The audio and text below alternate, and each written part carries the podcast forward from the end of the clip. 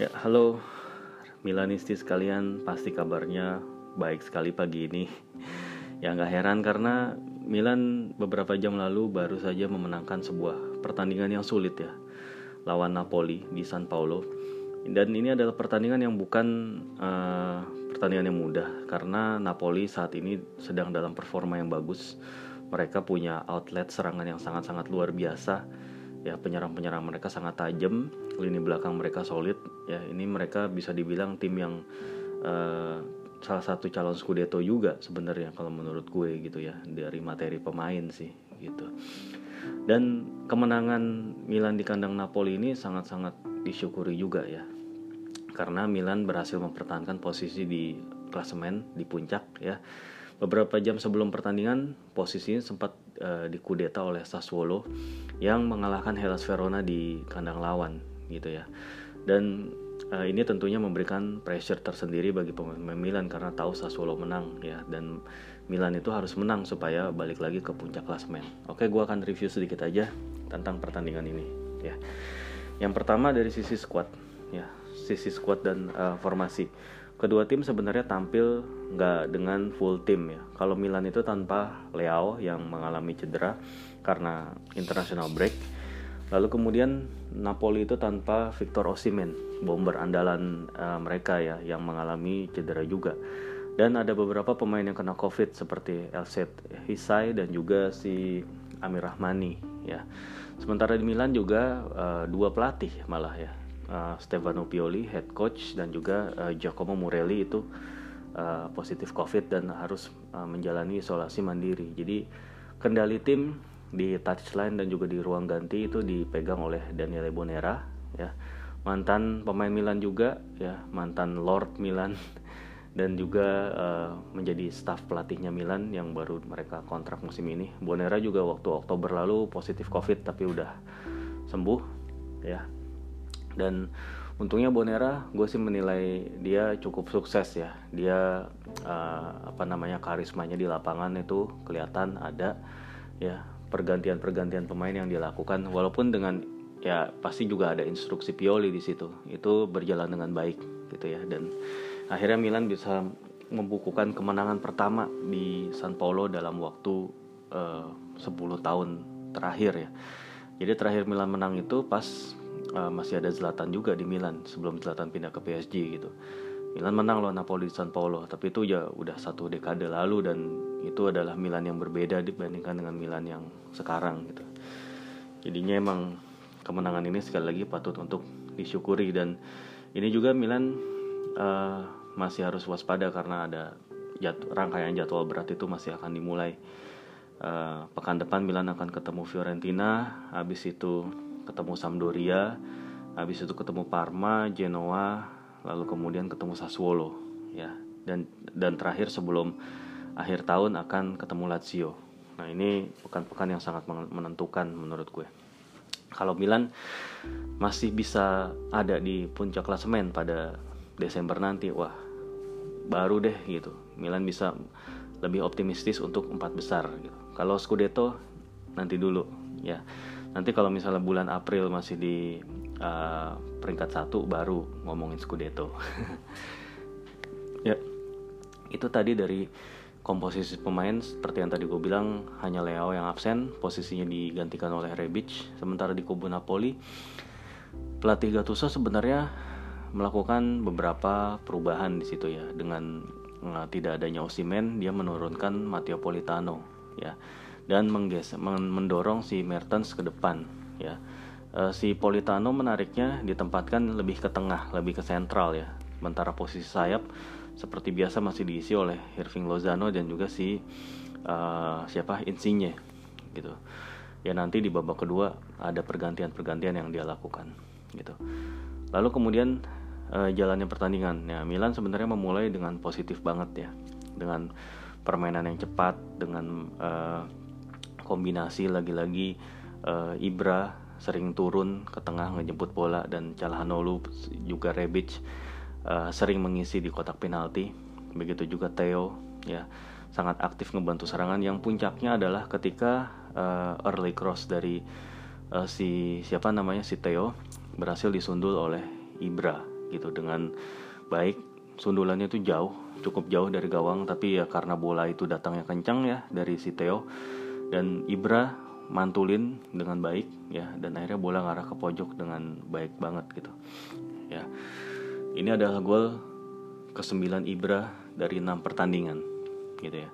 Tapi emang sayangnya setelah golnya Ibra itu Milan sedikit mengendorkan tekanan ya. Sehingga Napoli itu mengambil alih inisiatif uh, permainan ya. Dan beberapa kali menciptakan peluang-peluang berbahaya juga gitu buat uh, gawang Gianluigi Donnarumma ya. Ya tapi Milan juga sekali masih bisa nyerang gitu. Ada peluang bagus banget yang didapat Rebic yang dapat umpan lambung dari Ibra itu harusnya bisa gol tuh kalau Rebic tuh nendangnya bener. Cuman sayangnya tendangannya lemah gitu ya. Ya. Terus uh, balik lagi Napoli itu hampir bisa nyamain kedudukan setelah dari situasi yang uh, kemelut di, de di depan gawang Milan ya itu Giovanni Di Lorenzo dapat uh, bola muntah dan tendangannya itu membentur Mistar. Yaitu untung aja membentur Mistar dan uh, nggak uh, jadi uh, imbang gitu ya. Dan akhirnya babak pertama berakhir dengan keunggulan Milan 0-1 nah awal babak kedua Milan masih tetap ditekan oleh Napoli gitu ya. Dan Napoli unggul uh, secara ball possession ya 62 diberbandingkan dengan uh, 38%. Jadi Napoli emang lebih banyak pegang bola di sini gitu. Lalu kemudian di tengah uh, tekanan tersebut against run of play ya Milan dapat bola ya dan Calhanoglu dapat uh, apa namanya dapat space di situ dan dia menggunakannya dengan baik uh, ketika dia mengirimkan umpan terobosan mendatar kepada Rebic ya Rebic kemudian unggul uh, lari, unggul beberapa step dari si uh, siapa di Lorenzo atau Manolas gitu. Langsung ngasih umpan silang ke tiang jauh yang berhasil dimanfaatin oleh Ibra. Di situ Kulibali juga udah ketinggalan langkahnya sama Ibra dan nggak ada cover dari Mario Rui juga sebagai fullback di situ. Ya dan akhirnya Milan unggul dua gol. Nah tadinya mungkin kita kira akan gampang ya setelah unggul dua gol. Tapi ternyata Napoli langsung ter, kayak tersentak gitu. Dan akhirnya setelah si Bakayoko ngerebut bola dari Kessie itu ada sedikit skema permainan di uh, wilayah kanan pertahanan Milan yang diakhiri dengan umpan silang ya. Dari umpan silang itulah kemudian terjadi sedikit perebutan bola antara Romagnoli dan si Mertens tapi akhirnya dimenangin Mertens dan akhirnya dengan gampang menceploskan bola ke gawang si Gigio Donnarumma ya. Itu sempat pertandingan uh, menjadi lebih seru lagi. Napoli optimisme mereka terangkat lagi dan ada keyakinan mereka bisa comeback. Tapi kemudian uh, rencana itu ya itu batal karena uh, Bakayoko kena kartu merah ya kena kartu kuning kedua karena dia mengganjal si Theo Hernandez melakukan tackle yang telat gitu ya.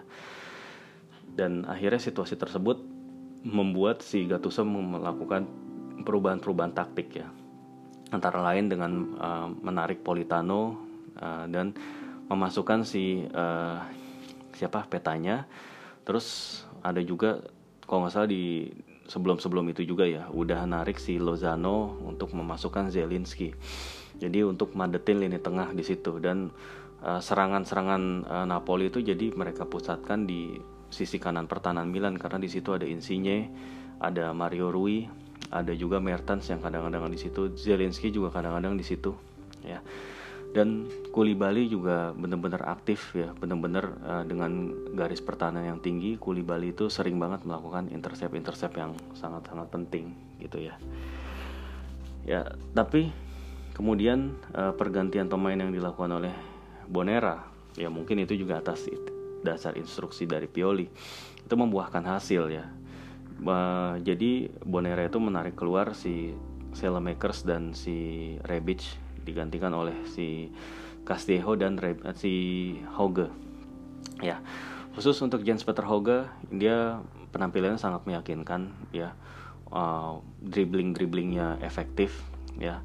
Cara dia megang bola juga sangat-sangat mantep firm gitu ya. Passing passingnya akurat dan akhirnya dengan finishing uh, dia dengan kaki kiri walaupun dari posisi yang kurang ideal dia berhasil menciptakan gol pertamanya di ajang Serie A musim ini gitu ya. Dan ini adalah uh, sekaligus hari yang menyenangkan juga bagi Hoga juga karena di saat yang bersamaan tim mantan timnya Bodo Glimt itu juga memastikan diri keluar sebagai juara Liga Norwegia untuk pertama kalinya sepanjang sejarah ya dan si Hoga juga ngeposting di akun IG pribadinya ya memberikan selamat kepada Bodo Glimt dan juga rekan-rekannya. Dan dia juga merasa sebagai part of the team gitu. Jadi dia ikut uh, merayakan juga. Dan kalau misalnya Hoga terus berhasil tampil bagus dan uh, membawa Milan terus tetap di puncak bukan gak mungkin dia akan meraih trofinya juga bersama Milan gitu ya. Ya uh, tadi soal performa Hoga menurut gue juga pantas lah dia tuh udah layak masuk uh, starting. Ya starting eleven. Atau paling nggak dia masuk dari awal-awal babak kedua. Karena dia tuh seringnya dimainin di menit ke 70 ke atas di mana di, di situ ya impact yang dia kasih ya nggak terlalu banyak ya. Walaupun dia udah ngebuktiin juga dia waktu lawan Celtic di Europa League masuk di menit-menit akhir akhirnya dia juga berhasil mencetak gol yang ke gawang Celtic waktu itu. Skornya juga waktu itu 3-1 ya. Sama kayak skor kemarin ya. Dia mengukuhkan kemenangan. Jadi emang bisa jadi Hoga akan dijadikan senjata rahasia ya. Atau ya kayak semacam uh, super sub dulu gitu ya.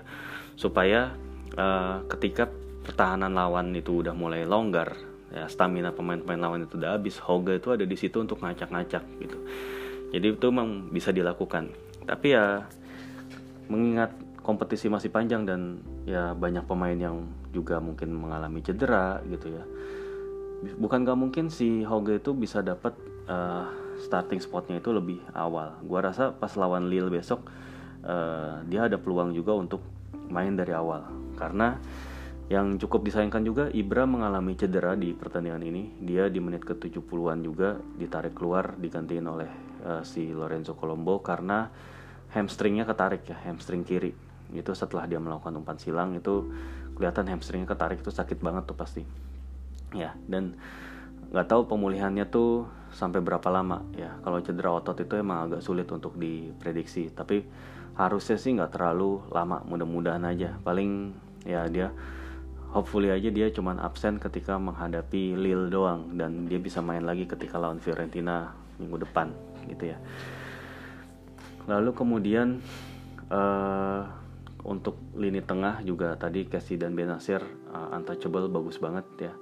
Tapi semoga Tonali bisa menemukan space di antara keduanya. Gue yakin dengan banyaknya pertandingan musim ini Tonali akan bisa nemu space-nya dia dan nemu best performance ya sehingga Milan itu punya tiga gelandang tengah yang emang siap tampil ya. Paling yang perlu diperhatiin adalah lini belakang, nggak bisa ngandelin uh, Simon Kjaer dan uh, Romagnoli terus. Dan Romagnoli juga belum mencapai puncak permainan dan kita harapkan aja mungkin setelah putaran kedua nanti atau dalam beberapa satu dua pertandingan ke depan Romagnoli balik lagi ke best performance dia gitu ya. Sehingga nggak ada uh, error prone ataupun ya hal-hal yang uh, keraguan-raguan dalam decision making yang biasanya dia tunjukkan ini pas balik lagi dari cedera gitu ya Uh, kalau dari sisi statistik, ya tadi seperti gue bilang Napoli mendominasi ball possession. Ini emang terbukti uh, mereka uh, unggul jauh 62 berbanding 38. Juga dari total shot sebenarnya Napoli unggul uh, dengan total 20 shot yang 8 di antaranya on target. Sementara Milan 15 shot dengan 7 di antaranya on target. Ya. Lalu kemudian dari sisi uh, passing sukses itu Milan juga uh, kalah dibandingkan Napoli. Napoli itu 88% passingnya tuh mengalami kesuksesan sementara Milan hanya 81 uh, persen ya. Lalu kemudian kalau dari expected goals, nah ini nih expected goals yang paling penting. Sebenarnya Napoli itu di atas Milan juga ya. Expected goals Napoli itu 1,88 dibandingkan dengan Milan 1,84 ya. Jadinya emang bisa dibilang Napoli itu punya peluang mencetak gol yang sedikit lebih besar daripada si uh, apa Napoli itu punya peluang mencetak gol lebih besar daripada Milan gitu ya. Dengan tadi tendangan-tendangan dari Di Lorenzo yang kena tiang terus ada tendangannya Mertens yang ditepis ada tendangannya Andrea Petanya juga yang pas ditangkap sama Donnarumma itu emang cukup membahayakan dan untungnya Donnarumma lagi tampil bagus lah gitu. Artinya terus uh, gol yang diciptakan Mertens itu bukan salahnya Donnarumma juga gitu. Dan uh, beberapa tendangan-tendangan yang arah ke gawang tuh Donnarumma berhasil mematahkan gitu. Sementara di kubu uh, Milan ya sebenarnya juga Milan bisa punya peluang untuk menambah gol lewat sebelum Hoga ya sebelum Hoga bikin gol itu si Colombo punya peluang bagus ya dia dapat umpan dari si Hoga di kotak penalti dan tendangannya itu berhasil ditepis dengan baik oleh si Alex Meret gitu ya.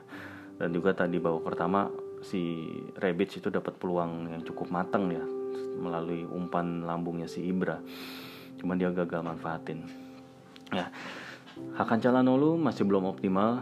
Ya walaupun di 20 menit pertama dia sangat-sangat bagus sangat-sangat instrumental tapi ya di sisa pertandingan masih biasa aja gue juga kurang paham kenapa Brahim Diaz nggak dipasang dan malah dipasangnya Krunic ya. Lagi-lagi itu mungkin menjaga kedalaman aja dan bisa jadi si Diaz itu akan disimpan dan akan dimainin pas lawan Lille gitu.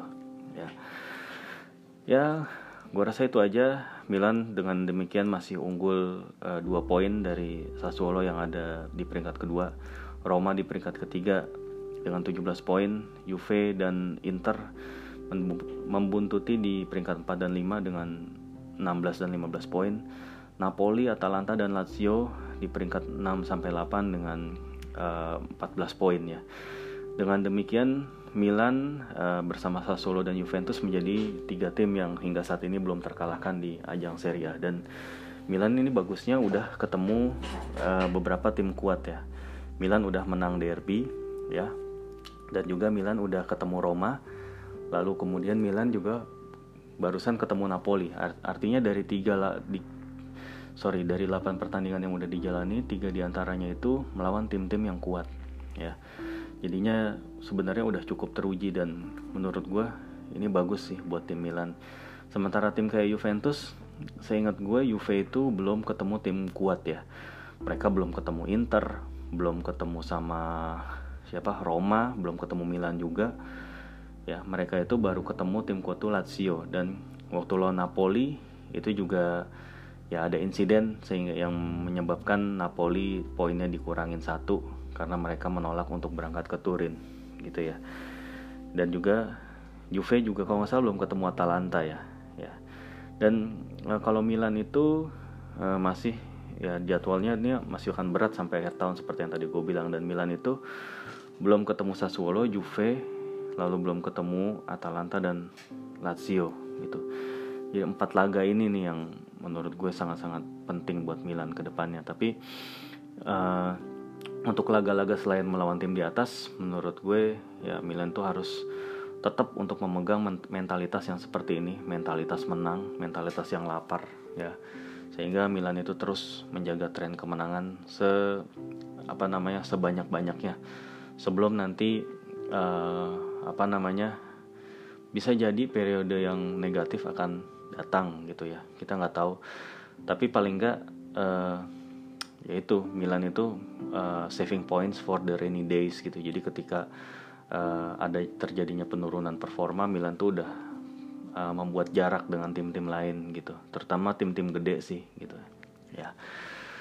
Oke deh uh, gua rasa untuk saat ini itu aja yang mau gue sampaikan dalam review singkat gue uh, dalam quick take gue ada uh, pertandingan Napoli Milan.